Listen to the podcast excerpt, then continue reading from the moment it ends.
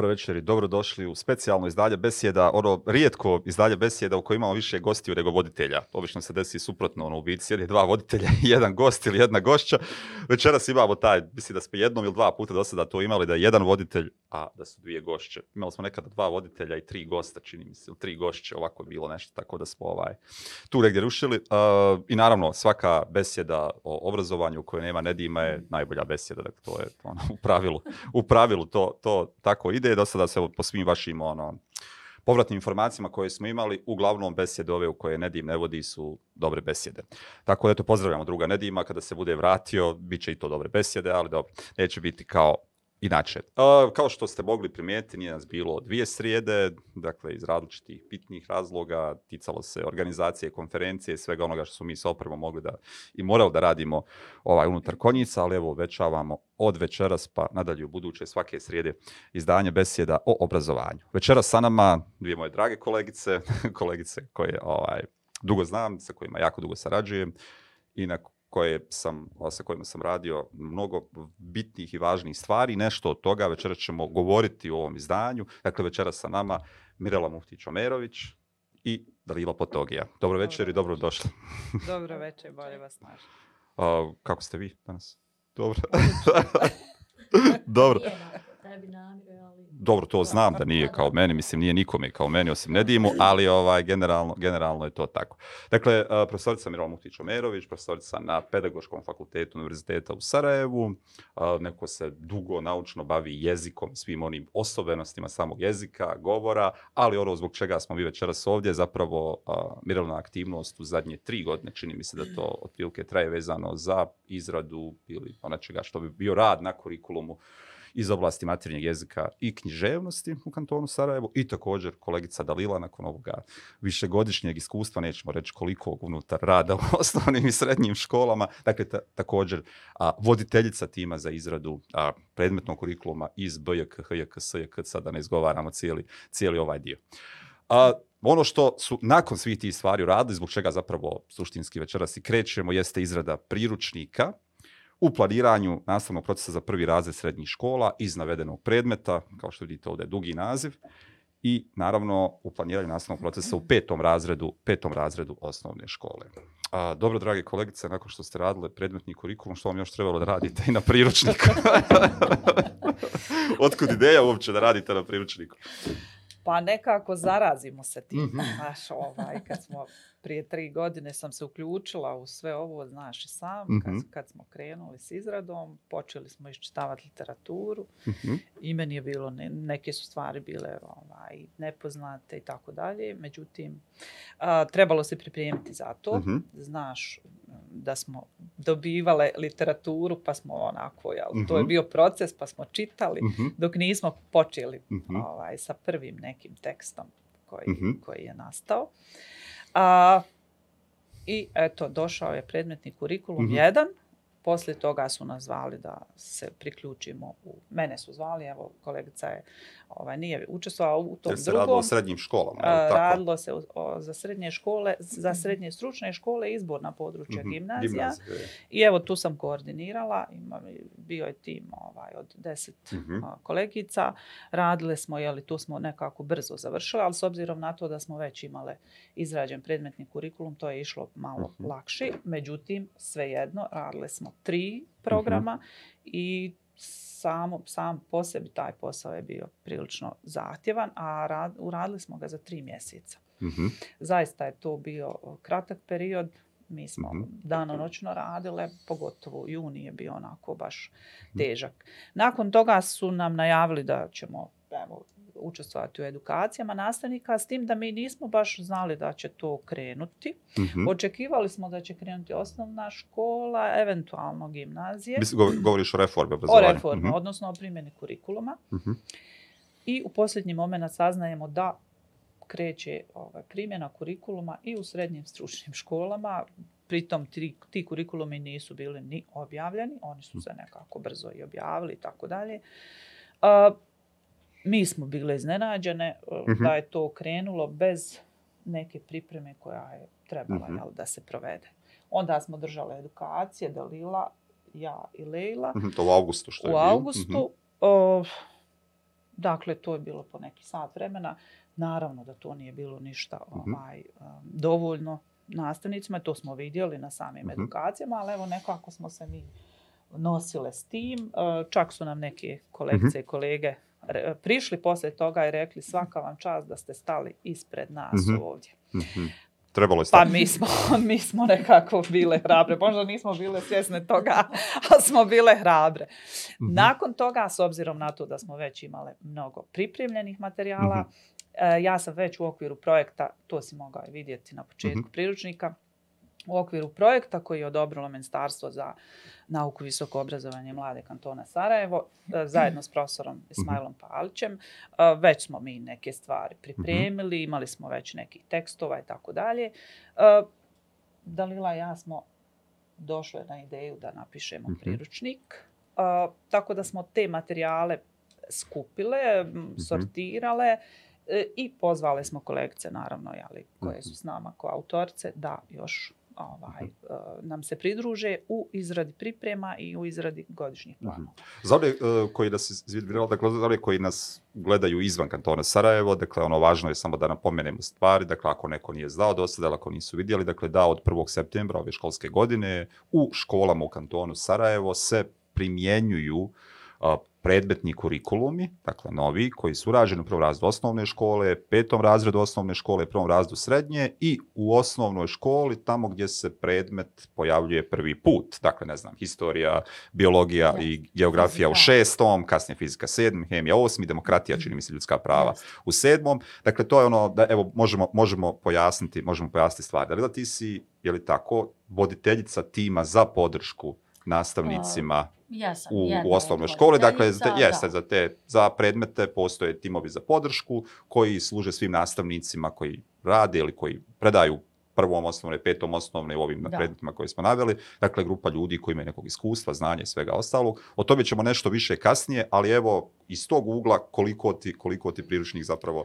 je mogao pomoći ili koliko je to iskustvo koje si imalo pomoglo da, da, da, da oblikujete priručnik. E, Pa, mislim, dobro je to pitanje. Zapravo, ta edukacija na koju smo bila nas dvije u augustu je bila jedan pokazatelj da zapravo ljudi uopće ne znaju ni gdje se nalazi ti predmetni Mhm. kurikulum. I meni je to posve jasno. Mislim, mi smo razgovarale i ovaj, shvatile smo da zapravo nije niko ni imao, ovaj, eh, hajde da kažemo, nije bilo nikakvog moranja da se ljudi upute u to. Tako je. Dakle, a, objavljeni su predmetni kurikulum i to je prošlo po mom mišljenju dovoljno nezapaženo.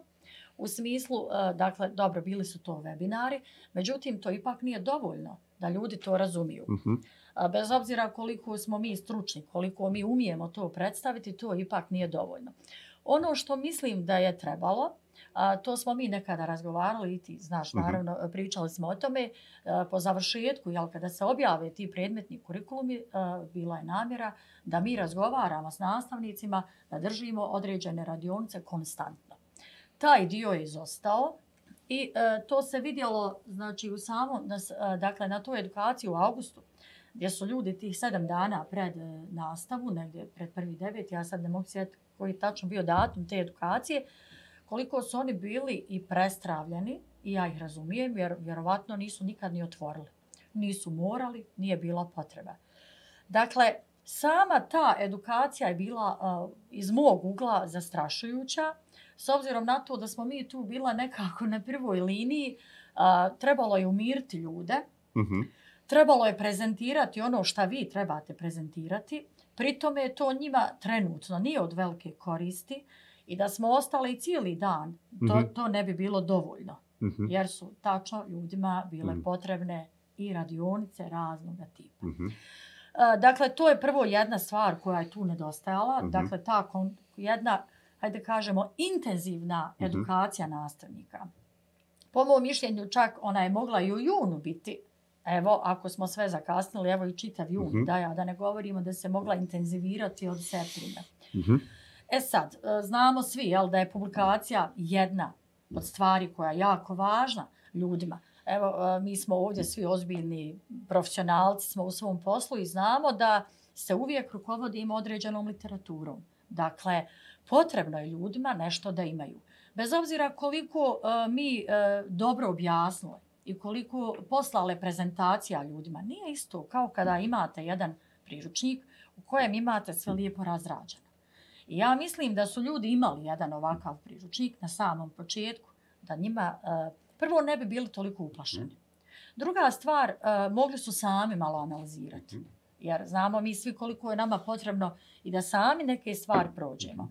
Nakon toga su mogle biti radionice. I smatram da bi uh, ljudi koji su trenutno obuhvaćeni, dakle, uh, odnosno implementatori, trenutno da bi oni imali puno više uh, pomoći od toga da su imali odmah to na početku. Mhm. Jer šta se dešava? Ljudi su došli. Evo ja ću ispričati jedno svoje iskustvo, to prvo iskustvo. -hmm. Kada uh, ja sam poslala mail, jer ja sam sad saznala koje škole, eh, u kojim školama eh, ja trebam biti tim za podršku nastavnicima. Naravno, pritome ja ne znam ko su ti nastavnici. Šaljem ja sada mail, oslavljavam na direktore i tako dalje. Dakle, ja sam u stvari tada vidjela koliko su ljudi bili uplašeni jer su me neki zvali kad ćemo se vidjeti. Mm -hmm. Znači ljudima je bilo suštinski važno tada. I s obzirom na to da mi imamo dva, tri dana, mi nemamo vremena, ja kažem hajdemo mi napraviti jedan viber sastanak samo da se vidimo koliko znači to kada se mhm. ljudi sretnu, mm -hmm. čuju, vide. I sjećam se dobro, dakle, toliko su oni bili uzrujani. Oni su toliko negodovali na tom početku da sam ja u prvi mah se prepala jer mislim i razumijem ih i razumjela sam odmah. Ali uh, taj jedan naš susret, ne mogu se sjetiti, čak ni tajming nije bio dobar, bio je petak, ali ja vidim da ljudi boje se, ne znaju šta da rade napravili smo taj neki kao viver sastanak. Međutim, ja sam vidjela i to je njima već pomoglo. Znači, koliko ljudi zapravo vape mm -hmm e, i za podršku. A, ne samo podrškom moralnom, ali između ostalog i tim. Mm -hmm. A, ali koliko je ljudima potrebno da, da oni rade konkretne stvari. Mm -hmm. A, tako da, evo, lično ja mogu reći, eto, o tom svom iskustvu, ne znam, jeste to planirao Jes, kasnije. Jes, pišemo o tome, generalno ćemo pa onda, evo, ne moramo Držimo to sada. se priručnika još uvijek. Dakle, vid... priručnik mm -hmm. smatram da, da je uh, bio suštinski važan mm -hmm. i ne samo za BHS, Mhm. ali BK, HK, SK. Nego mislim uh, i u razgovoru s ljudima, naravno, evo sad ispričat ću iskustva nekih mojih kolega, jer ja sam, ono noć je bilo dosta uh, mojih kolega iz osnovne škole Timo moram ih pozdraviti, izvini. Mm.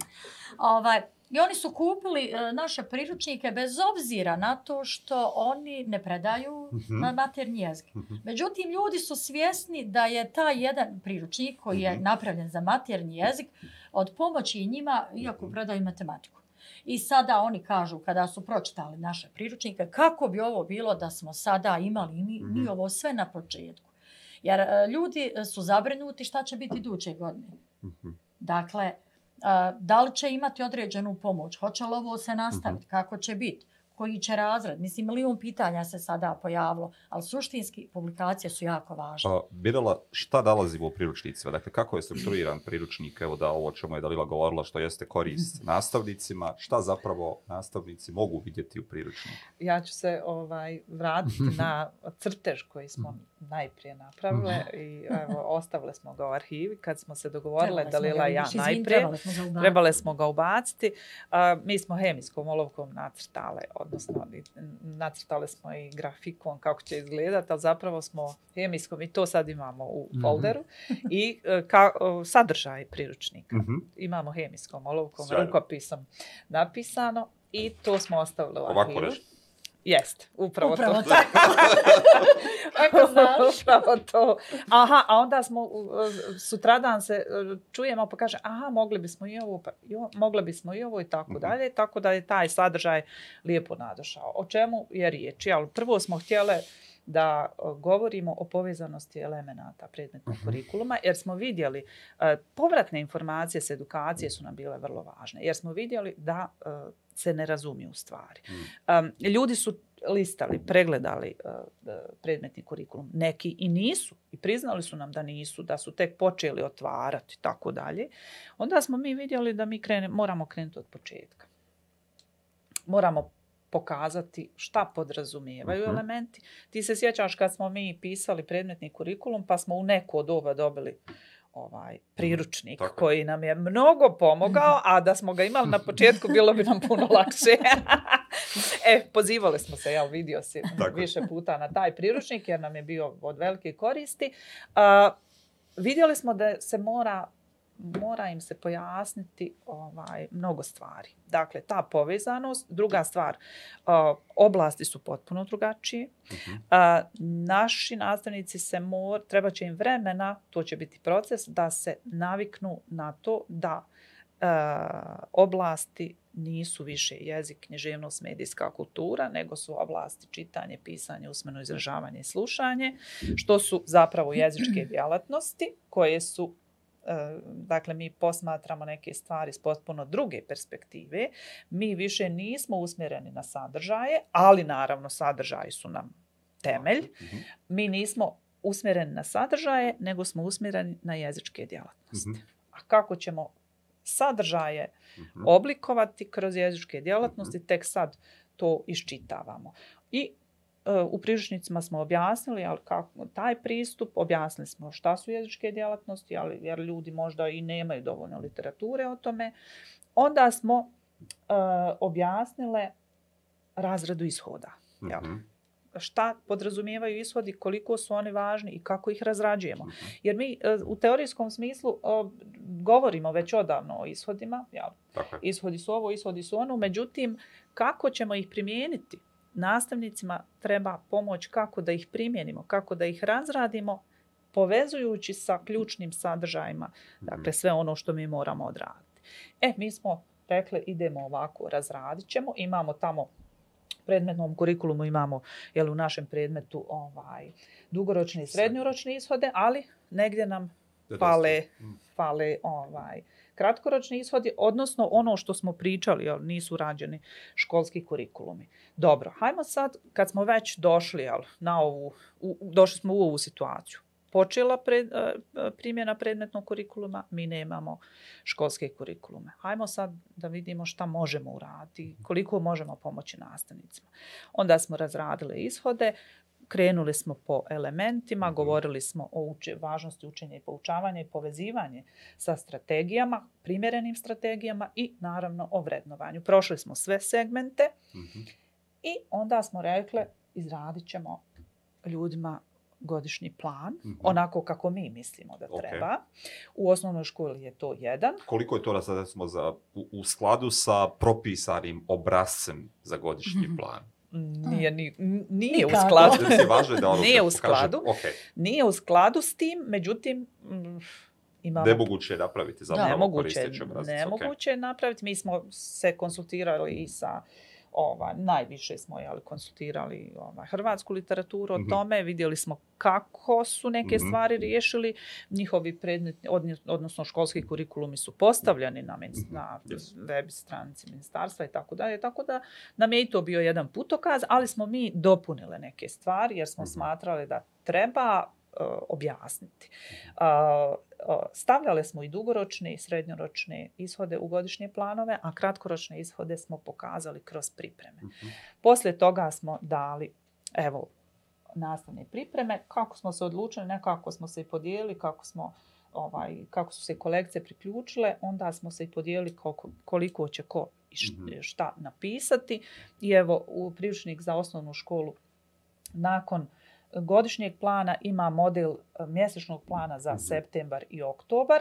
S tim da smo se mi, e, jel, to je isto bilo pitanje, da li ćemo mi staviti u to u propisani školski uh, ovaj obrazac, pa smo rekli, dobro, ok, to će biti njima malo lakše. Mm -hmm. Jer kad im dajete kad im dajete nešto što im je poznato, to će biti da, okay. jednostavnije. I onda smo to stavili u taj obrazac, a U, u ovom priručniku za osnovne škole smo dali 12 nastavnih priprema, u priručniku za srednje smo dali 18 nastavnih priprema, s tim da su one namijenjene i gimnazijalcima, i srednjim stručnim četverogodišnjim i trogodišnjim školama.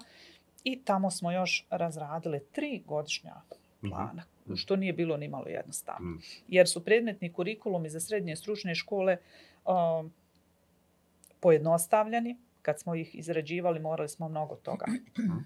I ne samo izbacivati, nego jednostavno se moraju, moraju stvari pojednostaviti. Uh, ishodi su pogotovo u trogodišnjim, Mhm. su dosta pojednostavljeni i onda smo to Mhm. morali, nismo mi mogli iskoristiti jedan da bi nam bilo lakše praviti drugi. Znači svaki taj godišnji plan je bilo prilično teško uraditi, utegnuti, posložiti Mhm. sve, provjeriti nekoliko puta i tako dalje. Mhm. Mislim, veliki je posao U, bio. u ovom slučaju, dakle, mi po zakonu i pravilniku svaki predmetni nastavnik, postavnik u školi sam izrađuje godišnji program rada. Dakle, neko ko struktuira šta će u toku godine, godine da radi i do sada mi imamo praksu u biti da predmetni nastavnici uopće se ne konsultiraju međusobno o tome šta, Da. kada izučavaju i na koji način, na koji način rade. A, u vašem prijedlogu je to drugačije. Dakle, zašto predmetni kurikulum uvodi sad ovaj drugi, drugi važan dio, odnosno prijedlog obrazca kako bi godišnje planiranje trebalo izgledati? Evo ja vidim, gledaš mene. Tako je. Ovaj, em, pa jednostavno što smatramo da ipak treba napraviti jedan iskorak. Mhm, Dakle, prije svega, mislim, znam, pričali smo, iščitao se sve. Dakle, dajemo i prijedloge kako se to može povezati s nekim drugim predmetima. E sad, naravno, mi pomažemo nastavnicima. Mi smo odlučili da uradimo tako jedan detaljan plan, taj godišnji, da bi, evo, na primjer, ako ljudi imaju jedan bazni godišnji plan, a ja smatram da treba biti, moje skromno mišljenje, da treba biti jedan bazni, a zar je, zar je, Mhm. je i jedan drugi predmet pozvaniji osim maternjeg jezika, da Mhm. bude taj bazni i da on u stvari, da, da nastava maternjeg jezika zapravo može biti spona sa svim ostalim predmetima. I a, onako o čemu smo mi razmišljali jeste, evo, ako imamo jedan dobar godišnji program, Mhm. uh, napravi se, sad kad se radi školski kurikulum na nivou jedne škole, znači uh, sjednu kolege i dogovori se, aha, ja imam ovdje prijedlog, možemo se povezati s prirodom, možemo se, aha, odlično, ovdje se možemo povezati sa informatikom i tako dalje. I u principu oni mogu da prave i svoj plan na osnovu toga. Šta je sad bitno mi kad govorimo jel, o kurikulumu, mi stalno govorimo nastavnici imaju slobodu. Međutim, mi na terenu vidimo da se ljudi uplaše od te slobode. Da žele. Da. E, I to razumijem e, s obzirom na to da, da e, zapravo ljudi nisu ni imali dovoljno edukacija, ni saznanja, ni znanja o tome da bi se oni sad dopustili samostalno to da rade. Međutim, mislimo da jedan ovakav model njima Mhm. može poslužiti jako dobro da oni naprave svoj. Kasnije godišnji ok. program rada. E, dakle, mi smo na terenu radili, sada ja upoređujem ovaj Mhm. tim za podršku, e, na terenu konkretno sam ja radila s kolegama, a, dakle, pomagala im ja da napravimo jedan godišnji, ja sam njima odmah rekla u redu, naravno, sad mi po kurikulumu, vi svi trebate imati svoj godišnji. Ali šta je sad pojenta? Znate li vi to sad uraditi? Je li vam teško? Da li teško nam je? Pa hajdemo zajedno uraditi. Idemo zajedno raditi, koristimo ishode, bitno je da ih sve iskoristimo, brojimo koliko smo ih stavili i tako dalje.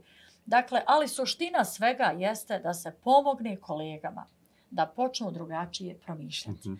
Dakle, ovi priručnici zapravo, uh, mi bismo bile sretne kada bi ovi priručnici ponukali ljude, Mhm. dakle da i oni sad počnu istraživati uh, na osnovu ove naše literature i neku drugu literaturu i da nastane možda još nešto bolje. Uh, Dakle, da jedni drugima zapravo budemo vjetar u leđa. Tako da mislim da je taj, pri, mislim, ovaj pristup nekako je i po kurikulumu ono o, o čemu smo mi govorili i čemu smo se posvijetili nekako, evo godinama, eh, nekako bolji put Mhm. do, do realizacije samog nastavnog procesa u odnosu na ovo što imamo danas. Uz naravno sve ono što jeste važno, dakle da ljudi iz prakse nude drugim ljudima iz prakse svoju pomoć, ponudu i da to još ono urade u smislu nečega što jeste bitna i važna publikacija i jedna i druga, posebno u situaciji u kojoj uh, su ljudi bačani u reformu, dakle neka reforma koja nije pripremljena čak ni na onom nekom ha, osnovnom nivou, bez da tražimo bilo kakve idealne uvjete da će se ostvariti bilo što drugo, čak ni oni elementarni osnovni koraci čini mi se da su preskočeni u ovom planiranju i naravno da uh, jedna ovakva vrsta pomoći makar se ona ticala i onoga što jeste model kako će neko godišnje planirati stvari, kako će dati prijedlog mjesečnog, ono, iz tog godišnje koji je, koji je izveden i sa svim ovim drugim dodacima koji jesu bitni, dakle evo vi za, za vas koji niste imali priliku da vidite, dakle na kraju jednog i drugog priručnika a, vi predlažete i čitav niz književnih dijela od kojih su neka književna djela koja već su postojala u nastavnom planu i programu, dok su i čitav niz drugih književnih dijela, dakle autora koje do sada nismo mogli vidjeti u onome što zovemo nastavni plan i program za BJK, HJK, SJK. I tu imamo, recimo o tome bih volio da porazgovaramo generalno o onome a, koja je zamka u suštini a, naslanjati predmetni kurikulum na postojeću praksu. Dakle, nešto što sam ja već naučio da radim sa nekim književnim dijelom u okviru svoje učionice, mm -hmm. hoću li ja uspjeti kao nastavnik da to okrenem, da radim na potpuno drugačiji način, ili ću iskoristiti svoju ustaljenu praksu koju imam godinama i prilagoditi kurikulum onome što radim, ili će to biti potpuno drugačije okrenuto. Dakle, to je jedan ono segment, a drugi, drugi segment koji se ovdje tiče zapravo ono što vidimo kroz pripreme, dakle da a, je taj korak koji bi trebao da bude ono potpuno drugačiji, okrenut posebno evo, zbog oblasti koje su drugačije definirane i zbog onoga što sada jeste fokus. Dakle, negdje se kao da se veže za postojeći MPP, i kao da se koriste stvari koje su već postoje u učionici u pojedinim, u pojedinim segmentima onih prijedloga priprema koje imamo na, na pismenoj. Nemamo sad ono u smislu dokaze kako je to izgledalo u učionici, možda je izgledalo potpuno drugačije, ali ono što možemo čitati iz priprema, barem ja, dakle doslovno im izgleda kao da smo mi ono još uvijek tu negdje balans, balansiramo između onoga što mislimo da bi trebalo, ali ne napravimo nikad ono taj neki krup, krupni iskorak, evo koja god od vas više. Mogu ja malo, pa neka Dalila nastavi. Uh, ja mislim da ne možemo nikad napraviti tako veliki skok. Mm -hmm. Jer uh, svaki put imamo vapaj nastavnika. Mm -hmm. uh, prisjećam se jednog pitanja na edukaciji. Uh, učiteljica koja je u petom razredu kaže pa dobro, hoćete vi sad nama objasniti, ali mi sad možemo da radimo što hoćemo. Mm -hmm. I onda kad počnete promišljati o tom pitanju, zaista ovaj negdje možda ima pravo. Jel? Ovaj, mi stalno pričamo nastavnik ima slobodu, nastavnik ima slobodu, odmičemo se od sadržaja, pa dobro, onda o čemu ćemo pričati. Ne, mo ne možemo se mi baš jeli, odmaći od sadržaja u tom smislu. Mi se naravno moramo voditi ključnim sadržajima, ali moramo to sagledavati iz neke druge perspektive, jeli, a voditi se ishodom učenja. Pri tome ćemo primijeniti određenu strategiju, jednu, drugu ili treću. To će nastavnik sam procijeniti i prema odjeljenju, prema strukturi odjeljenja, prema... Postojećem znanju, do čega je došao, dalje. dakle kreću. Pa da. Jeste. I sve ono što smo mi dale u ovim pripremama nije nikakvo sveto slovo, no, nego nešto što je prijedlog, može se tako uraditi, može se i nešto drugčije i bolje i tako dalje. Mislim da ne možemo napraviti tako veliki mhm. skok. Mm -hmm jeli, e, jer kurikulum jeste zamišljen jel, da mi potpuno promijenimo paradigmu, ali mislim da ona mora ići postepeno. To mora biti proces koji će trajati, on će trajati svakako, ali e, moramo se odmicati od fokusiranja na sadržaj po, postepeno. Okay. Mislim da je to najbolji put jer nastavnicima treba vremena da shvate u čemu je stvar. Jer ja znam dosta nastavnika, evo na kraju moji studenta koji su u razrednoj nastavi, odličnih na, učitelja hm. koji uh, rade već odavno po ishodima učenja. Mhm. Rade oni po ishodima učenja, samo ne nazivaju, ali tako. Mhm. Ali zapravo ovaj uvijek imaju na umu šta to učenik treba da mhm. na kraju zna, može i tako dalje.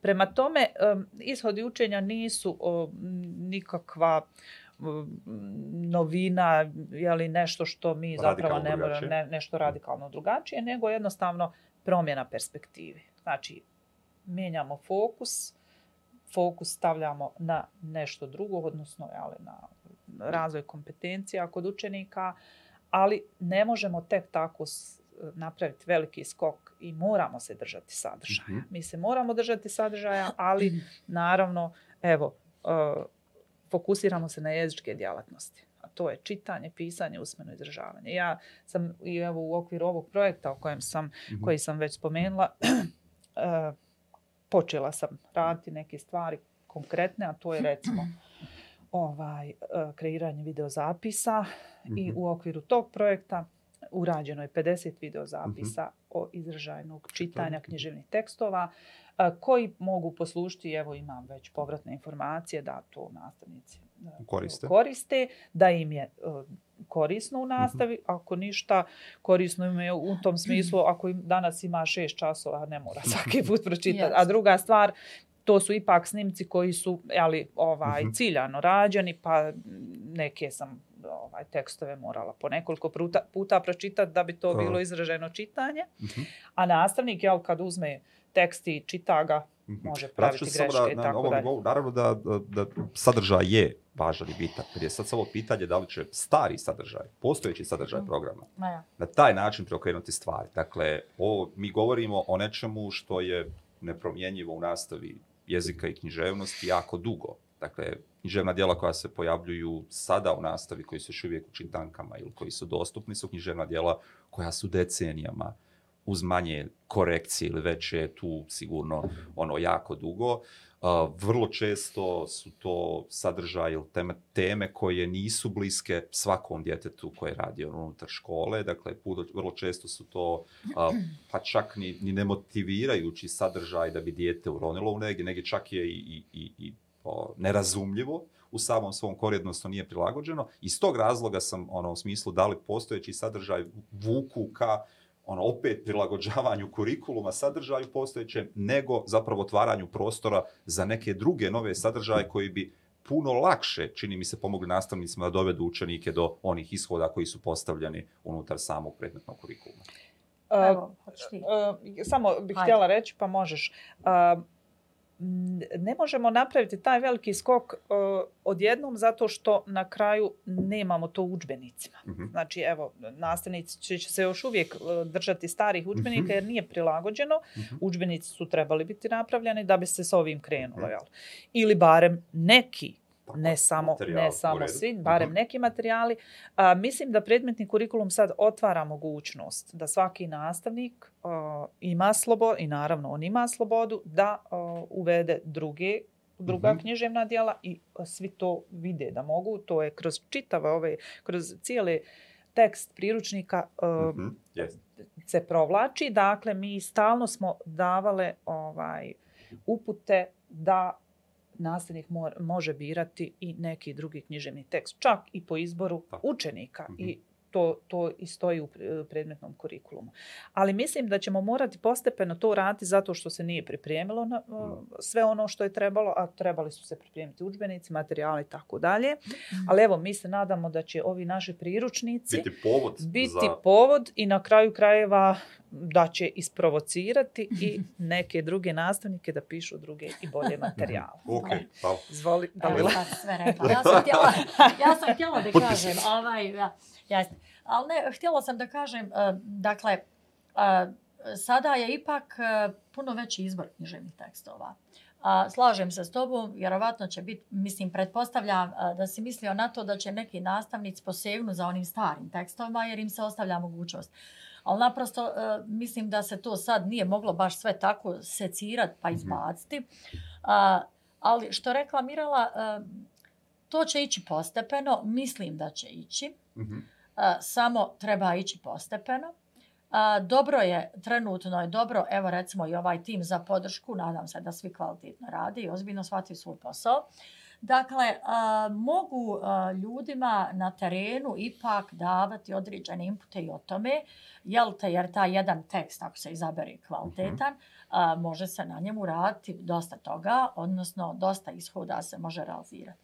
E sad, činjenica je da je otežavajuća okolnost, znači sad se opet vraćamo na neke publikacije, da su čitanke važne, naravno nisu važne nastavnicima, jer ja stalno čujem kao šta će nas, pa ne treba nastavniku, čitanka treba učenicima, jer je jako teško doći do određenih tekstova jedan nastavnik ako predaju četiri odjeljenja, dakle on bi sad trebao da isfotokopira uh, za sve učenike u četiri odjeljenja. Evo da je po 20 učenika, to je 80 svaki dan, recimo da vi pripremate 80 tih kopija. Mm -hmm. Tako da ja mislim da je sada teško, ali ako se promijeni određena obrazovna politika u smislu uh, da se malo ozbiljnije počne promišljati o tome kako to realizirati jel, u budućnosti. Ako želimo mhm. zapravo da dobijemo nešto dobro, onda bi trebalo početi razmišljati o tome da se naprave kvalitetni učbenici.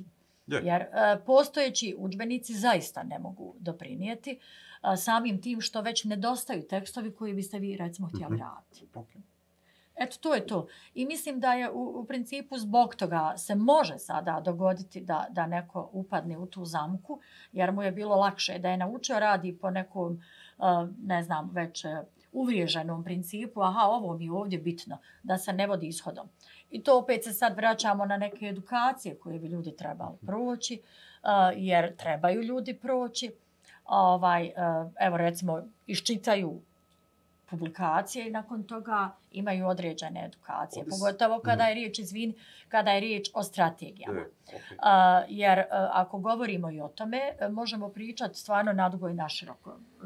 Mislim, mogu ja pogotovo pričati o svojim izmišljenim strategijama, jer i kada nije bilo ovaj koje kakvih ovaj, publikacija o strategijama, nastavnici svi koji su bili odgovorni i vrijedni izmišljali su tako mhm. te strategije. Ja lično imam običaj davati imena tim svojim strategijama. Dakle, ali ne, hoću da kažem, jako je važno da ljudi se ohrabre da koriste nešto drugo. Jer mi znamo svi da bilo koja strategija koja se uzme u fokusu ima dijete, odnosno učenika. To je najvažnije. Uh, Dakle, ako neko posegne za nekom strategijom u kojem smo ti ja pričali danas u nekom neobaveznom razgovoru, mhm. -huh. sigurno će se desiti da će neko uzeti možda neodgovarajuću strategiju.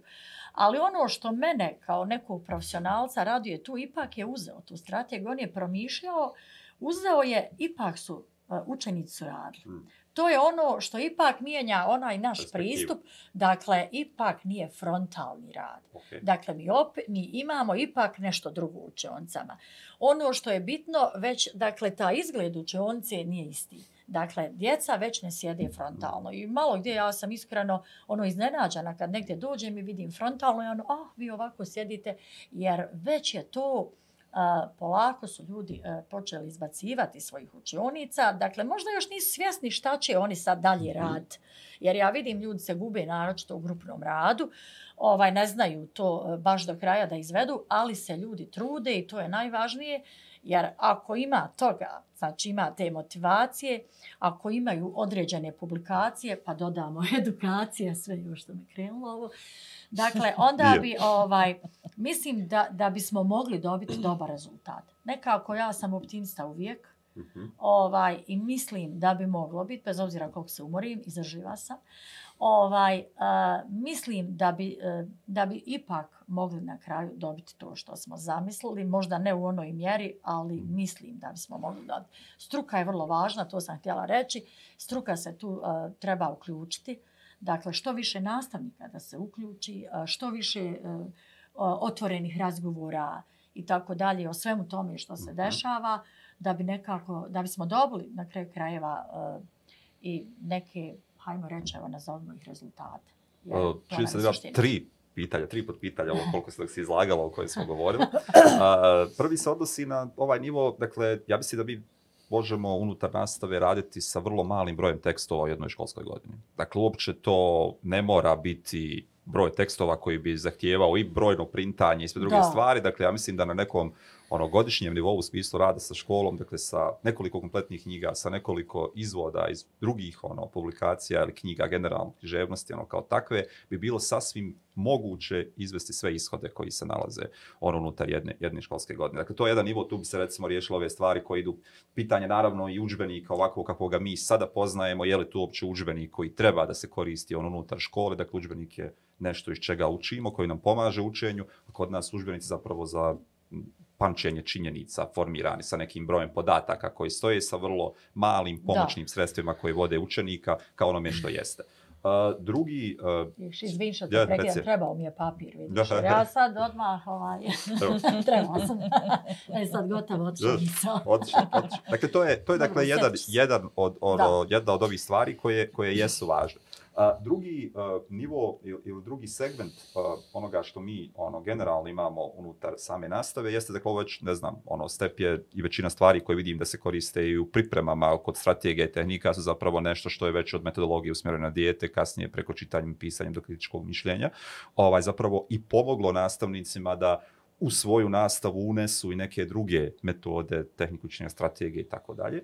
I one se primjenjuju ovdje, one se primjenjuju i već godinama on unutar same, same nastavne prakse. Ja se slažem s tobom dakle, da to zaista jeste važno da nastavnici probijene strukturu od ovog nekog predavačkog izlaganja, frontalnog i ono propitivanja, traženja samo reprodukcije onoga što rade, da to jeste korist. Treći nivo, ono ko, zapravo zašto smo i počeli da radimo reformu, jeste suština stvari. Dakle, da to što mi radimo drugačije, bude vrlo lako, lako vrednovano, provjerljivo i bude povezano sa svim drugim stvarima. Dakle, kad djete dođe unutar škole, ne dolazi na 13 različitih predmeta, nego dolazi u školu koji uči stvari koje su mu bitne ono unutar samog života. Jedna od ono vrlo važnijih stvari što se na kraju desilo, vidim, nažalost, i u pojedinim primjerima i ovdje, i super primjere, ali isto tako pojedinim primjerima kako se pogrešno pribjenjuje strategija. To sad može biti ono u smislu da je to došlo iz neke treće ruke, da to nije bila direktna edukacija ili da se to vremenom prilagodilo načinu kako se kako se negdje kako se negdje koristilo, ali dakle onako kako jeste strategija zamišljena i zašto je zamišljena, ono u biti se ne koristi i u startu je vidljivo da neke od njih ne mogu dati rezultat jer nisu napravljene uopće da se da rade da rade na tom nekom nivou, ali jeste važno da razgovaramo o ome što jeste okruženje za učenje fizičko, drugo ovo emocionalno naravno koje imamo, ali da dakle učionica bude drugačije postavljena, da to bude učionica u kojoj se vidi dječji rad, da to bude učionica u kojoj djeca vide svoje radove na različitim nivoima, djeca mogu raditi ono kako god, na koji god hoće način, mogu raditi različite stvari, ne moraju raditi istovremeno.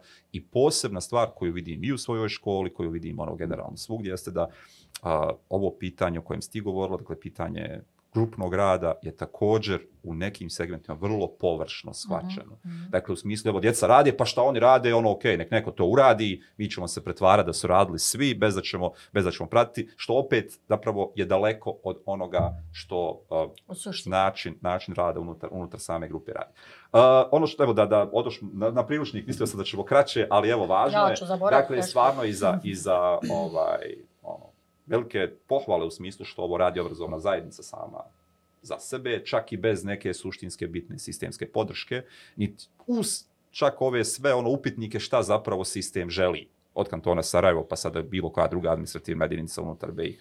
Dakle, šta, ono, šta žele da rade, ono što mogu reći, to sam dvorio, sam tražio kontakt kolegica direktorica iz osnovne škole Posuš, je čini mi se tražila način kako da dođe do, do priručnika, mm. tako da ćemo to poslije završiti. Pozdravljamo onaj da besjede. Mm. Ovaj, tako da, da, da je ono važno da dođe i u druge dijelove BiH kao a, prilika da zapravo vidimo šta možemo i na koji način možemo, možemo raditi određene stvari dio posla ste uradili za ono nekoga drugoga koje drugi trebao da u okviri stvari i predloži nastavnicima, vi ste onoliko koliko ste imali znanje i iskustva i ovog vašeg, ono, vaše želje, vašeg viđenja koristeći naravno literaturu koja vam je bila dostupna, da ponudite, olakšate ljudima da makar nemaju te neke vrste upitnika. I ono što se isto ponudilo jeste dakle nekoliko prijedloga, časova, kako bi neko i nešto mogao uraditi. I to je sve važno i, sup, i, i, i odlično. I evo, dakle, kolegice i kolege, slobodno da uzmemo i da je vrlo važno, dakle, da priručnik koristimo kao jedno od sredstava, nadam se i svega onoga što koriste na času, dakle, kao nešto što se propituje, sugeriše, pohvaljuje, dakle, kao služi kao osnova, da se može već evo ovako ćemo raditi ono i unutar, i unutar, naših, i unutar naših učionica. Uh, drugi nivo, dakle nešto što je vas zapravo ponukao ovo kako smo mi govorili, zapravo ova, evo nekoliko puta ste spomenuli, uh, reforma koja teče, ono, kako to izgleda na terenu, evo kako to izgleda ono, u, u, u smislu rada sa nastavnicima gdje si ono, podrška ili pomoć, šta na, kažu nastavnici, uh, evo. Evo, dobro. Može ovaj, ali prije toga ću uh, se samo refersat na Aha. jedan od ovih tvojih zvola. Kada se spomenuo uh, malo prije uh, govoreći o broju tekstova, ti si mogao primijeti da smo mi u godišnjim programima ponudili samo nekoliko mhm, tekstova. Yes. Dakle, uh, samim tim mi smo već pokazali da ne moramo mi u rad 20 tekstova, nego da možemo četiri teksta jako kvalitetno iskoristiti jer imamo tačno tamo napisano i kada sve, kuda, mm -hmm. zašto. Čak nekdje imamo i strategije neke koje su ovaj, predložene, jeste, i koje su primjerene. Mhm. Dakle, uh, tako da eto to sam prvo Mhm. htjela da kažem, samim tim smo uh, i priručnik uh, prilagodili tome. I smatram da uh, svako ko bude čitao zaista ono, naravno kad se čita stručna literatura, svi moramo biti skoncentrisani. Znamo da ovo nije sad beletristika. Jel, pa ne možemo baš ovaj sebi dozvoliti da, da ovaj se onako baš opuštamo, ali uh, definitivno uh, ako se pročita od početka do kraja, mislim da se jako dobro i lijepo to sve može povezati. Mhm. Dakle, to je ono što je suština i ako se tačno bude tako gledalo, evo Mhm. govorim, stalno se referšem na taj broj tekstova, moće se vidjeti. Zato smo tamo namjerno i pisale, predlažemo taj prijedlog je taj tekst, Mhm. zato, Ok. zato i zato. Tako da je to čisto, mislim i to spomenem. Mhm. A što se tiče tima za podršku, znači ja mogu uh, prenijeti neko svoje vlastno Mm, iskustvo. Uh, dakle, uh, ono što, e, mislim sad e, nekako da krenem prvo da ja imam jednu jako dobru ekipu nastavnika, da su to pravi profesionalci, uh, znači ljudi koji žele. Ono što je isto jako važno ovdje da napominjem da su to ljudi različitih dakle, godina, staža. Dakle, u toj mojoj jednoj ekipi ima ljudi, mislim, otprilike koji su, evo, hajmo reći, kao ne, ne, neki pet možda godina do nekih 30 Mhm. Podjednako, oni zaista svi žele.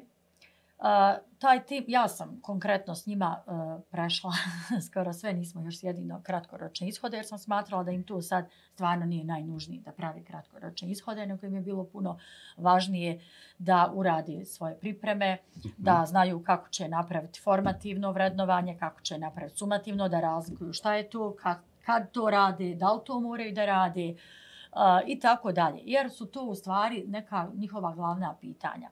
Da znaju samostalno napraviti programe, da znaju i oni sami uvezati, napraviti ovaj korelaciju sa određenim predmetima. Ono što je specifično ovdje, jer znamo jel da je to peti razred i tu sad imamo nastavnika i razredne i predmetne nastave. Dakle, tu već postoji jedna razlika, jer nije isto kada se u jednom odjeljenju smjenjuje e, deset nastavnika i kada u jednom odjeljenju imate e, nastavnika razredne nastave i neka dva, tri još jel, nastavnika koja ulazi. Znači, to je sve e, sad vrlo specifično. Dakle, to, e, mislim da je tim za podršku e, dobro osmišljen.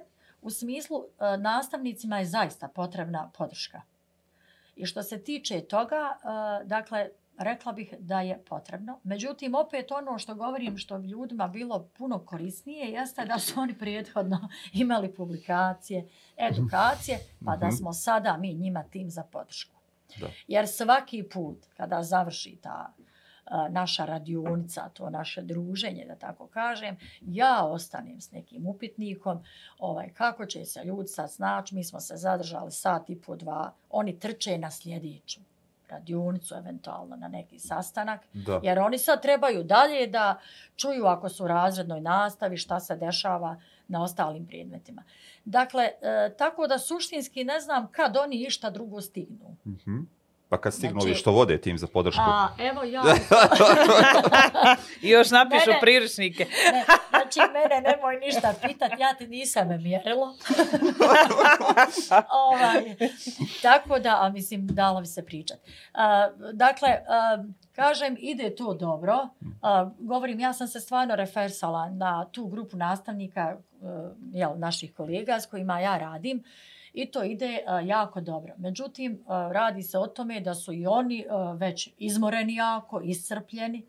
A, koliko su željeli na početku da oni, joj, kad ćemo se ono opet vidjeti, već sad, dobro, sad na stranu već sam rekla da smo dosta toga mi već i uradili. Nisam ja njima sad toliko potrebna, sad to već oni meni mogu i poslati mail, Mhm. hajde ovo možeš li pogledat, kako ovo ide, šta misliš i tako dalje. Ono što je dobro, oni podijele jedni drugima. Ok. Dakle, uh, uglavnom, ljudi su spremni da pomognu i to je jako važno. Međutim, uh, eto, opet naglašavam da bi to sve bilo puno jednostavnije, da su ljudi na samom početku, odnosno ne, šta kada govorimo o početku, mislim naj, uh, najkasnije o junu. Mhm. Dakle, jer po meni je to bio period kada su ljudi uh, trebali uh, da znaju, odnosno Mhm. bar da dobiju ovaj, jel, neku publikaciju, nešto da dobiju i da se odrede termini nekih konkretnih edukacija. O, Jer primjer dobre praksi ljudima urađen po uh, znači po ishodima učenja. Ili eventualno da mi samo ili da mi predstavimo, prezentiramo uh, predmetni kurikulum kao što smo radili na primjer na webinaru u to dva sata kada uh, dakle kako bih rekla ne da nije dovoljan nego je prosto jedno, jedno neugodno iskustvo bilo zato što ljudi imaju sto pitanja iza glavi, počinje gdje mi je godišnji direktori čekaju nova do edukacija petog. kreće. Ako ne završite na vrijeme. Kreće do petog. Yes. Tako da u suštini mislim, uh, kažem da je to dobro osmišljeno. E, Koliko ti imaš, recimo, nastavnika koje podržavaš ili daješ im podršku? 20 i nešto. otprilike. Ok, i to je u biti i kolegice i kolege druge koji su i za druge predmete, isti predmet, to je taj neki broj. Pa otprilike, mislim, a, znaš šta, kada smo mi, e, zapravo kada smo se podijelili, e, mi nismo imali broj nastavnika uopće, nego smo mi a, podijelili škole. Mhm. I sad gledali smo otprilike uh, gdje ko živi, radi, dakle nebitno. Uh, jer smo razmišljali o tome da će ljudi ipak dolaziti na određene radionice. Mhm. I mi tada nismo uopće znali koliko je nastavnika u nekoj školi.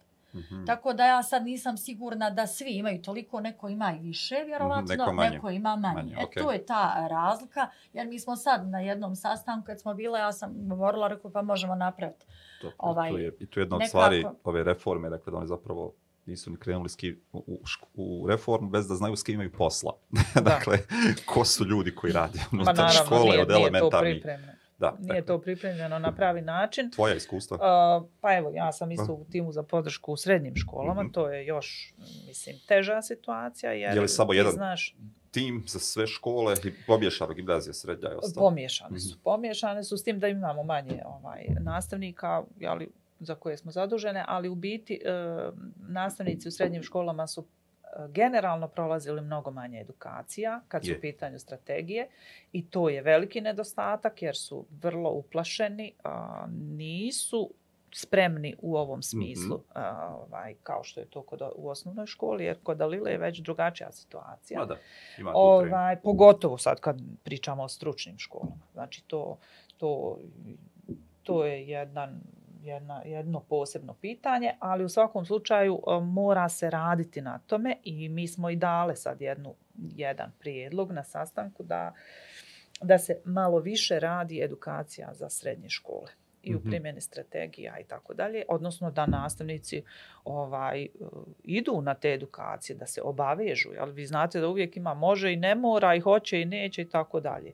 Znači mnogo više nastavnika u srednjim školama treba proći e, edukacije o različitim pitanjima u primjeni. A, nadležne institucije će vjerovatno preuzeti to na sebe kao obavezu, ali u svakom slučaju primjena predmetnog kurikuluma je krenula u nevrijeme, to vidimo. Međutim, evo, mi smo pokušale ovim priručnicima da otklonimo dio problema i nadamo se da Da jeste. Da. da, je, da jesmo, odnosno jeli, dok iščitaju. E, molimo kolegice i kolege da, naj, da e, priručnike čitaju od početka. Mm. To je e, nešto što je vrlo važno jer nekako svi ono prelistaju pa ka, aha, evo imam godišnji, imam pripreme i tako dalje. Ja bih s- Je, zapravo zamolila... objašnjavate uopće Jest. zašto ovakva. Ja bi zamolila znači da se pročitaju od početka jer mi u uvodnom, odnosno u ovom teorijskom dijelu zapravo pojednostavljujemo. Mm. Dajemo e, jednostavna objašnjenja, isto kao što je i priručnik koji smo mi koristili bio jednostavan, tako i u ovome pokušavamo. Je, Mirela je drugi put ovdje govori o temeljnim postavkama za izradu predmetnog Jeste, kurikuluma. temeljnim postavkama, tako da ovaj em, molimo sve da pročitaju od početka da bi, e, da bi im bilo jednostavno lakše razumjeti sve ono što sad dajemo kroz godišnji. Jer vi kad otvorite godišnji plan, vi vidite tamo neke jeli, tabele koje su poprijeko. Ja, morate znati zašto su takve. Jeste, zašto je upravo to. tako. Hm. Tako da ovaj mislim da je ovo jedna dobra platforma koja se može nadograđivati. Mi smo na kraju krajeva prvi eh, tim, odnosno jeli, naš je predmetni Predmet. kurikulum, Mhm. prvi koji je osmislio ovako nešto. Tako. Ne mislimo da smo izmislili da. toplu vodu, to nije nikak, ništa eh, specijalno, ali uh, jeli, ako Jeste. se iščitava literatura koja već postoji u Hrvatskoj, je to već prilično ozbiljno razrađeno, iako i oni imaju problema s tim, to znaš. Ovaj, uh, međutim, evo, idemo, ja mislim da je jako važno objavljivati. kolegice s kojima sam pričala iz srednjih škola kažu pa joj, pa mi imamo dobre pripreme. Ali dajte nam te pripreme, hajmo da ih objavimo, da vidimo da vidimo da li se one mogu provesti, možda ih možemo popraviti, možda su, možda su zaista dobre, možda one funkcionišu na najbolji način, ali e, sve dok nemamo objavljene Tako je. pripreme, materijale i tako dalje, mi to možemo koristiti samo u svojoj učionci. Sve ono što je objavljeno pokazano je i dato je javnosti. I mislim da je ovo sad suština, odnosno vrijednost ovih publikacija jeste što su one objavljene kao jeli, ovaj, knjige, priručnici i tako dalje koji su dostupni svima. Tako je, dostupni za korištenje, dostupni za razgovor kao povodi i olakšavajuća olakšavajući ne znam, materijal za ono što njih čeka unutar same, unutar same učionice da se, mislim, rijetka je ovo situacija, mislim, rijetka jer nema nedima, ali je ovo rijetko u smislu da, da smo ovdje ono, stručno povezani svi, da se zapravo bavimo, bavimo istim stvarima, pa možemo privatizirati, pa možemo privatizirati ovaj uh, nivo. Evo samo da se još pokušamo malo vratiti, govorili smo i mnogo, govorili ste i vi, govorio sam i ja, da govorili smo stvarno, ali još jednom pokušamo vratiti zašto je uopće bilo potrebno raditi izmjene postojećeg MPP-a. Dakle, zašto smo mi uopće pravili predmetni kurikulum, zašto je uopće važno, dakle, ono, Dalila se dugogodišnjom praksom koju ima, ti sa imaš praksom educiranja budućih ljudi koji će ući ono, unutar škole. Zašto je nama bilo potrebno ovakva vrsta, ne samo ovakva, nego bilo kakva vrsta, vrsta promjene? Pa ti znaš da je u, medijskom prostoru već odavno ali ovaj, prisutno stalno nekakvo upućivanje na to da nam ne valja obrazovni sistem, da moramo nešto mijenjati, da mi samo pamtimo, tjeramo učenike da pamte činjenice i tako dalje. Ali treba ponuditi nešto što će promijeniti to. Šta je mhm. to što može promijeniti? Evo, kurikularna reforma podrazumijeva neku promjenu. A, Iščitavajući ove priručnike, iščitavajući predmetne kurikulume, možemo vidjeti da se koncepcija mijenja, da dajemo prostora nastavniku da odluči šta mhm. bi to moglo biti drugčije. Da mu damo slobodu da odluči, aha, ovaj mi materijal nije pogodan da bih mhm. postigao to i to. Znači, daje mu se sloboda da promijeni nešto. I to je ono što je dobro kurikulumu, evo pričali smo mnogo s nastavnicima o tome, e, naviknuti smo mi na stegu, naviknuti smo na propisani sadržaj, naviknuti smo na nešto što je uh, sveto slovo na papiru i ne smijemo ništa izvan mm. toga. sad se trebamo priviknuti da nešto možemo, mhm. da imamo pravo da danas e, uzmemo drugi književni tekst i da radimo na njemu da bismo postigli taj taj ishod. E, trebamo se naviknuti na to. Mhm. I da pokušamo konačno da fokus pomjerimo sa činjeničnog znanja na neka druga ja, proceduralna i na kraju metakognitivna, a u stvari zapravo to je ono pozivanje na to učenje, proces učenja, kako učim, moram naučiti kako da učim. I znate, odnosno znamo svi, ali negdje u osnovnoj školi da djeca kad, kad krenu negdje treći, četvrti, peti razred, najčešće se to dešava s mojom okolinom, ovaj, kad dolazi puno sadržaja gdje se mora, moraju mhm. naučiti neke činjenice i onda oni pokušavaju da shvate kako će to naučiti.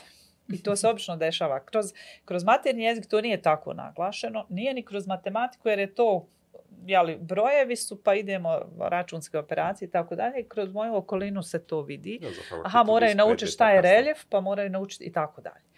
Ovaj, e, tad oni već počinju osvješćavati ovaj, um, taj proces učenja. Mm. To svi možemo vidjeti na kraju krajeva kod svoje djeci. Mm.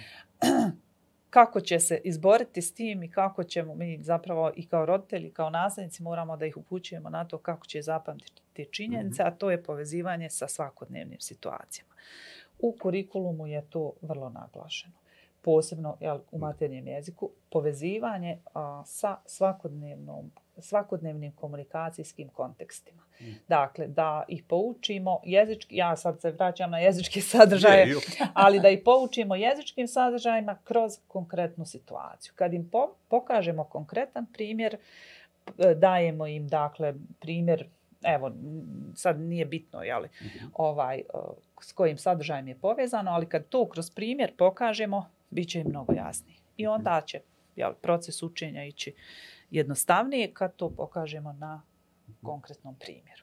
I naravno, kako koji razred, onda se to sve usložnjava. Ali samo dijete mora da shvati, odnosno sam učenik mora da shvati kakav će njegov proces učenja biti. To je jasno. Ja, ali treba ga dovesti. Ma evo, ne znam, Mirala je rekla, ja možda samo ovaj, rekla, jel, zbog čega smo e, zapravo tu radili. Pa svjesni smo bili jel, da je uglavnom eh, nekako sva nastava usmjerena na nastavnika. Ja sam vrlo često se znala našalt pa reći ovaj, nastavni, godišnji plan i program, nastavni plan program, rekao nastavnika piše sep, jer ono, sjet, znači, nekako da se ipak sve radi uh, da bi učenicima bilo bolje. Dakle, da se oni stave u fokus, odnosno da oni nešto rade. I kad kažemo, jel da i mi njima ponudimo konkretne primjere, da, i se, da se i oni bave konkretnim primjerima. Dakle, to je ta suština bila. Što se tiče uh, onoga šta smo mi radili zajedno s tobom. Mhm. dakle, uh, možemo biti zadovoljni, dosta toga smo dobro uradili, ali možemo reći da smo i mi sad neke distance jel, uh, svjesne da, da bi se tu dosta toga trebalo popraviti, mm. moglo popraviti. Evo čak ima nekih ishoda viška i tako dalje, neki, neke smo možda mogli malo drugačije i tako dalje. Dakle, to je sad ipak uh, jedna analiza, a sad ovaj, da li ćemo imati priliku to da uradimo, šta će se sad dogoditi sa mm -hmm. ovim predmetnim kurikuluma, hoće li, hoće li biti revizija toga, hoće li, to ne znamo. Dakle, ali trenutno, uh, odnosno ono zbog čega smo pisali, pisali smo da bismo promijenili jel, potpuni koncept, odnosno da usmjerimo nastavu na, na, na, na učenika, dakle da učenic konačno radi. Mm. Da sa frontalnog, jel, potpuno pređemo. Naravno, ne, nekad je nemoguće, ima, dakle, vjerovatno, jel, možemo govoriti uh, i o nekim sadržajima koje ćemo realizirati kroz određene jel, ishode, gdje, gdje ćemo mi morati koristiti malo i frontalni. Međutim, bar da nemamo uh, situaciju, jer imali smo učionica u kojima je bio samo frontalni rad. Dakle, to je bila suština. Mislim a, da, da se može promijeniti. Mm -hmm. Samo evo opet se stalno vraćamo na isto. Jel? Sad ćemo se opet na publikacije, edukacije ovaj, i tako. Da, da, već ovo neki sat vremena mislim da, da razgovaramo i, i ovaj, pričamo i mislim da možemo to završiti u vrlo optimističnom tonu. Da. A, mi nemamo nastavnika. Dakle, ono što sad je situacija u kojoj mi zapravo govorimo o, o promjeni koja se ne može desiti bez kvalitetnih nastavnika, nastavnika u koje je uloženo nastavnici koje mi cijenimo. Međutim, mi smo došli u situaciju kao krajnju posljedicu zanemarivanja, obrazovne zanemarivanja nastavnika, došli smo u situaciju da nam treba bilo ko. Uh, ne znam kakva je situacija na pedagoškom fakultetu, je li to trend kao i svih drugih nastavničkih fakulteta, da je smanjen broj zainteresiranih srednjoškolaca za upis na pedagoški fakultet, ali ovo što imamo trend na većini nastavničkih fakulteta, ne samo univerziteta u Sarajevu, nego i na svim drugim javnim univerzitetima u, u Bosni i Hercegovini, uh, nisu djeca zainteresirana da budu nastavnici. Na pedagoškom fakultetu je malo drugačija situacija u odnosu na druge nastavničke fakultete, zato što a, suština je a, kako se i gdje mogu zaposliti. A, kod nas je to vrlo jednostavno sad posmatrati s obzirom na a, o, zapošljavanje. Dakle, vrlo su traženi studijski programi vezani -hmm. za prečkolski odgoj i za edukaciju i rehabilitaciju. Mi imamo dovoljan broj studenta, Dakle, vrlo su zainteresirani zato što znaju da se mogu Zaposli. odmah zaposliti. Na razrednoj nastavi malo nešto manje, ali u biti ovaj, uh, nije toliko opao. Uh -huh. uh, naravno, broj studenta je opao zato što mi imamo iseljavanje. To, to je sasvim jasno. Druga stvar, idu i na privatne fakultete, ali ima i toga.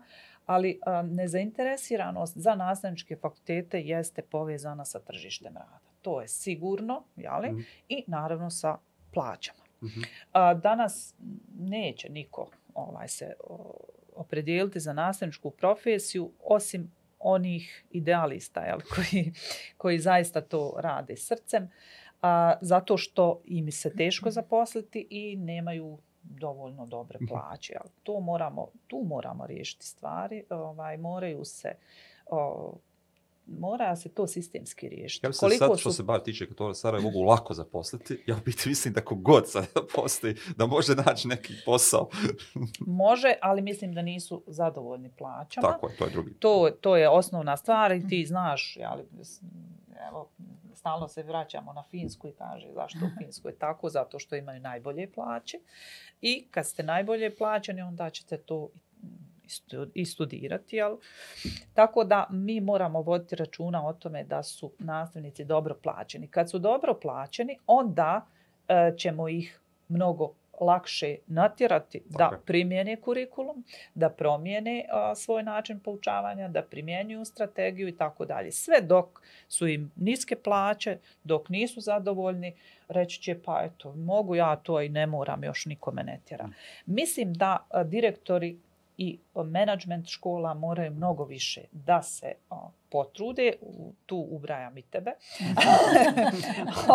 Izuzimam se. Odnosno, dakle, moraju se malo više zainteresirati za uh, uopće promjenu obrazovne paradigme. E, imali smo pitanja, pa šta mislite da li će ovo zaživjeti? A mora zaživjeti, u nekom će obliku zaživjeti. Mi moramo promijeniti nešto u našem obrazovnom sistemu.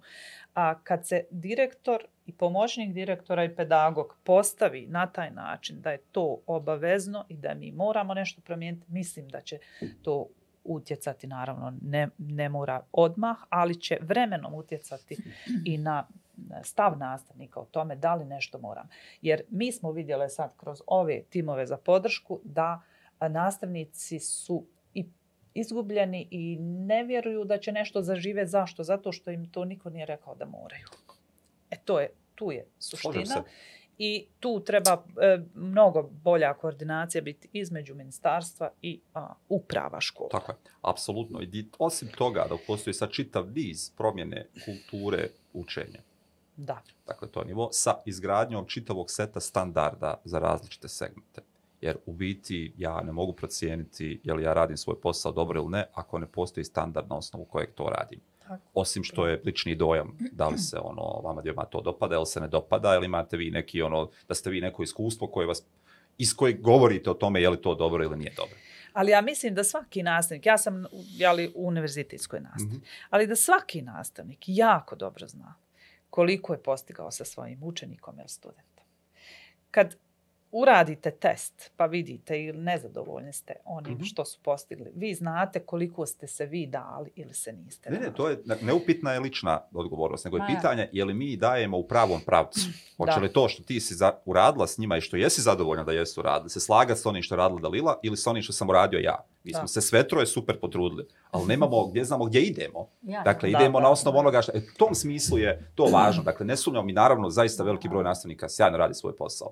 Ali upravo iz ovog razloga što nisu postavljeni standard, što ne mogu sam pojedinac da kaže, ok, jesam li ja sad uradio to kako treba? Tako. Jesam ja pomogao djetetu da razvije neke svoje kompetencije ono unutar rada na mojim časovima, kad ja ne znam kako ih je neko definirao ili šta ja, u kom nivou djete treba da ih uradi. Tako da tu je negdje stvar, ali se potpuno slažem dakle da a, mora se reorganizirati koncept upravljanja javnim školama u ovom trenutku i predškolskim ustanovama i mora se mora postojati direktna veza od onog trenutka kada dijete uđe u predškolsku ustanovu do trenutka kada izađe iz srednje škole, mora postojati vrlo jasan put i u svakom trenutku jasno se znati gdje je, ne znam, Dalila Patogija bila kad je bila sedmi razred, šta su bile ono, njene tada jake strane, gdje je trebalo raditi dodatno, šta se radilo dodatno da postigne dovoljno čega je drugog došlo i kada pređe u drugu školu, vrlo se jasno zna odakle se kreće, gdje se nastavlja. Tako da u toj organizacija potpuno bez toga ono to ne funkcionira. Ovo što sad mi imamo je, pa ne znam, neka ja to zvao, sistemska anarhija. Dakle, potpuno ono, Ja mislim ja. samo da se mora mnogo više uključiti struka. Dakle, da ministarstva, nadležne institucije koje se bave obrazovnom politikom moraju mnogo više slušati struku i stručne ljude. Dakle, ne može jedna ili dvije osobe, ne mogu donijeti odluku o tako tome šta je dobro za bosanski Otpuno, jezik, šta tako. je dobro za matematiku, šta tako, je dobro za biologiju. Absolutno. Za matematiku će odlučiti struka, odnosno tim profesora koji se bave, evo mi smo u timu, nas je neki deset jeli, koji, su, koji su u timu za bosanski jezik i književnost, ako nas deset kaže da to ne može funkcionirati, ne može ni jedan ministar ili pomoćnik ministra ili savjetnik reći ne može to Ono što- tako. To je tako. Znači, nego- e, tim ljudi koji se složi u, Tako da je, je nešto ovako Tako je. najbolje, jel trenutno, mislim da ga ne može pobiti niko drugi. A, ove priručnike su recenzirali univerzitetski profesori. A, mi smo zaista a, htjele ovo podići na najviši nivo. Mhm. Naravno, teorijski dio jeste povezan sa, i sa nekim mojim e, istraživanjima ranijim, ali kad struka kaže da nešto može ovako i da je to dobro urađeno ili nije dobro Tako. urađeno, to ne može niko pobiti. Ne može pobiti ni ministarstvo, ni bilo koja institucija u kojoj nema dovoljno stručnog kadra. Ono što mi samo imamo zapravo i konstantno imamo tu vrstu problema. Mi a, nemamo dogovor struke oko toga Mhm. kakvo dijete želimo, kakvu školu želimo. A onda iz toga šta od toga otpada na ono što jeste materni jezik, šta od toga otpada što jeste matematika, šta od toga otpada što su prirodne nauke, šta su društvene nauke, šta su umjetnosti, na koji način se to unutar škole radi.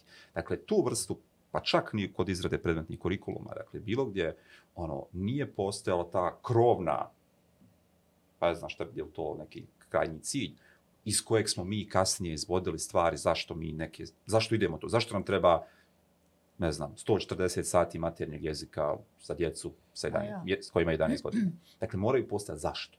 Dakle, postoji zato što će osim toga i toga razvijati se ovo, pomoći ovdje, povezivati s ovim, osigurati da dijete bude takvo i tako. Zašto treba matematika? Zato što. To, to, ovako. I onda iz tog će se zapravo doći do svih ovih drugih stvari, a onda i do nečega što, evo, bez obzira ono što se sa pedagoškog fakulteta i dalje mislim da je ono, naš ključni problem generalno jeste što se struka koja radi na nastavničkim fakultetima nije bavila nastavom. Da, e, mi e, imamo zapostavljene metodike, a ovdje se, ovo se tiče dakle, najviše metodičkih sadržaja i onoga što podrazumijeva metodika. Mislim da se mora mnogo više raditi na edukaciji metodičara. Tako. A to, e, kad o tome govorim, govorim sad o, o, evo recimo na pedagoškom fakultetu imamo mnogo metodičara i naši svršeni studenti imaju dobro dobro postavljene temelje. Mhm. Naši e, studenti e, imaju praksu od druge godine studija i oni su non stop učionci. Oni su osposobljeni kad završe i dobiju diplomu, oni su u potpunosti osposobljeni Da uđu u razred. Na drugim nastavničkim fakultetima je malo to teže i mi moramo e, raditi na edukaciji metodičara. Tako. To je jedan od, m, jedan od ključnih segmenata a, popravljanja ili Jeste. ovaj Kvalitete evo, kvalitete, nastave, da. podizanja kvalitete nastave. Dakle, educirati metodičare za svaki pojedinačni predmet, a, evo, mlade ljude koji žele da se bave Tako. tim, ali a, povezivati sa iskustvom nastavnika. Dakle, uvijek u takvom timu mora biti nastavnik koji ima dosta iskustva. Ove priručnike nisu mogli raditi početnici, nisu mogli raditi oni koji nemaju dovoljno iskustva, nego upravo ovaj tim. A, Ono što sam zaboravila reći na prvoj promociji našoj, a, ovih priručnika jeste da su ovi priručnici rezultat jako dobre koordinacije visokog obrazovanja, Je. srednjeg obrazovanja i osnovnog obrazovanja. I ovo je primjer kako se to može raditi. A, u ove timove je najbolje uvijek da su uključeni svi iz svih segmenata. Znači da imamo po jednog, dva nastavnika iz visokog obrazovanja, srednjeg obrazovanja i osnovnog obrazovanja i jedino tako se mogu dobiti najbolji rezultati. E, nijedan metodičar ne može se razvijati bez praksi. Jel, to, to znamo. I dobar nastavnik koji ima volju i želju da radi, koji želi da mijenja neke stvari, može mnogo toga da e, može da doprinese upravo nastajanju ovakvih materijala, može da e, doprinese edukaciji budućih metodičara i tako dalje. Mislim da tu nastavnički fakulteti moraju da radi, tu moramo imati podršku univerziteta. ja ću se zahvaliti još jednom um, ovdje pedagoškom fakultetu. Univerziteta u Sarajevu koji je izdavač i dekanu koji je uh, bio uh, raspoložen, koji je razumio o čemu se radi i naravno Ministarstvu za nauku i visoko obrazovanje jer su nam bili podrška u nekom mom uh, prethodnom istraživačkom radu da bi sve ovo jeli, ovaj, nastalo i evo bilo objavljeno. Ja se samo nadam da je ovo početni korak Mhm. u onome što ćemo dobiti kasnije i molim sve nastavnike koji zaista žele da mijenjaju nešto u svojoj učionci, da objavljuju materijale. Hvala. Dalila, gdje se mogu naći priručnici? Pa Evo ovako, priručnici se mogu uh, naći kod nas, evo, mislim kod autorica, a priručnike mogu uh, ljudi nabaviti i u knjižari na Marin dvoru. Knjižara se zove Svjetlost san. Uh, podaci, ja sad ne znam tačno, na, ne mogu Okej. sad na pamet reći, ali uglavnom Svjetlost san knjižara na Marin dvoru, odmah je ovdje, mislim, malo iznad tramvajske stanice. Za sve vas koji niste u Sarajevo, obratite se ili Mireli ili Dalili, naći će način da vam, da vam dostave, eto tako da se možete javiti i čuti sve ostale detalje. Hvala vam još jednom objema i hvala na ovom iskrenom razgovoru i na još jednim podijeli svih muka mogućih, a i naravno doze optimizma koji ide i svjesnosti onoga da mi nešto moramo mijenjati, da moramo promijeniti stvari. Hvala tebi na pozivu. Uh, ti nisi bio uključen u sve ovo, uh, a bio si voditelj reformi, jer si dao ostavku. ali sam to morala reći, ali moram to reći, da evo, Mhm. namjer je zapravo i nekako možemo reći da smo povezani s obzirom na to da smo imali zajedničku nastavnicu. To sam ti ovaj, ostavila za kraj. Zato Dobro. vi ovako dobri, pazi. Nastavnicu Zinetu Hadrović. Mhm. A Namir ja smo imali istu nastavnicu bosanskog jezika i književnosti, odnosno srpsko-hrvatskog tad jezika i Da, da, da. Ja mislim da je to najstrožija nastavnica na svijetu. Zato ste vi ovakvi danas. I zato mi vodimo reformu. Poseban i pozdrav nastavnici. Ja ne znam, što je sa, sa Zinetom sjećam se dobro toga. A nastavnica je u Švedskoj Evo, trenutno. u Ja, Švedskoj, malo sam ja evo dobila neke informacije, mislim da je to um, ona, ti znaš kakva je bila stroga, ali njene metode su bile, boga mi su moram- polučivale rezultate. Ja moram da Boga mi se se ja kaže da sam moram imao zahvaliti. pet, tako da mi... Znači, ja, ja se zahvaljujem na pozivu i moram vam reći da sam i ja imala jako strogu nastavnicu srpskog To ispada sad da su svi strogi dobri, ja? Strogoća, drage kolegice i kolege, i svi će vas ovako hvaliti nakon 20 godina u podcastima.